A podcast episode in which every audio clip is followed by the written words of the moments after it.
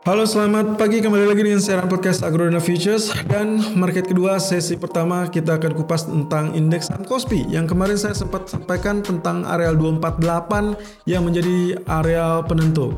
Dan ternyata pagi ini ternyata ditembus. Setelah sebelumnya dibuka di 249.30 lalu bangkit sampai 251.10 tapi ternyata tergelincir. Jadi arealnya tergelincirnya sampai areal terendah 244.10. Wow, 700 poin teman-teman. Dan ini artinya areal 248.70 akan menjadi area resisten untuk saat ini.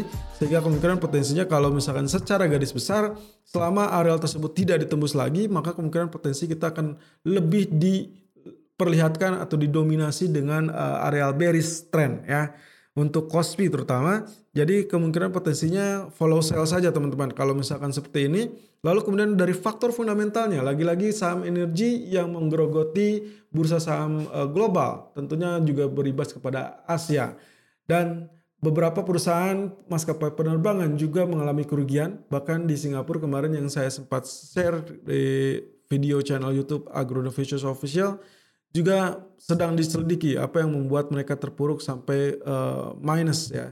Dan crude oil sampai minus 40 dolar per barel pun ini cukup menjadi uh, tanda tanya cukup besar. Well of course di kondisi internalnya kabar yang menyeruak sekarang adalah kondisi dari pemimpin Korea Utara yaitu Kim Jong Un di mana dikabarkan bahwa pemimpin Korea tersebut mengalami uh, operasi ya kardiovaskuler lalu kemudian sekarang sedang dirawat. Ya, ada beberapa rumor yang beredar termasuk juga kondisi kesehatan beliau yang katanya kembali drop ya.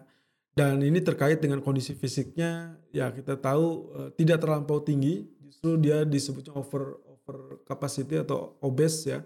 Jadi uh, kita lihat apakah ini berdampak dengan Korea Selatan juga apa tidak. Seharusnya sih kalaupun misalkan Korea Utara seperti ini dampaknya tentunya Korea Selatan sedikit lega karena kemungkinan tidak ada bom ataupun tidak ada pertentangan, pertikaian lain-lain. Tapi overall karena kita sudah tahu satu tahun terakhir ini disuguhkan dengan uh, damainya dua kubu Korea yaitu Korea Utara dan Korea Selatan, saya rasa ini harusnya juga akan menjadi sedikit sedikit uh, gejala ya.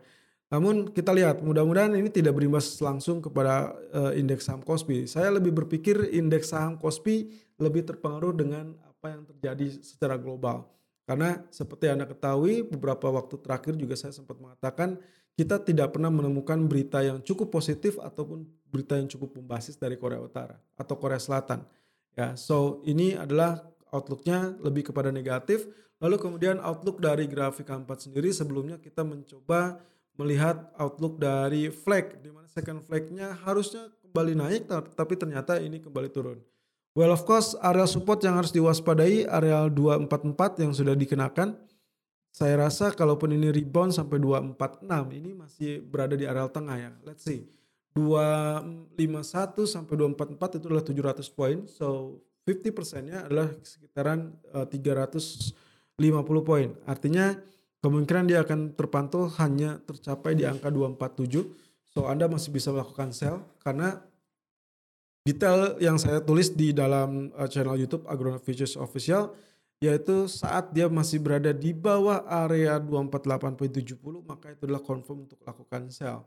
Jadi selama dia masih berada di area 246, 247 itu masih area sell.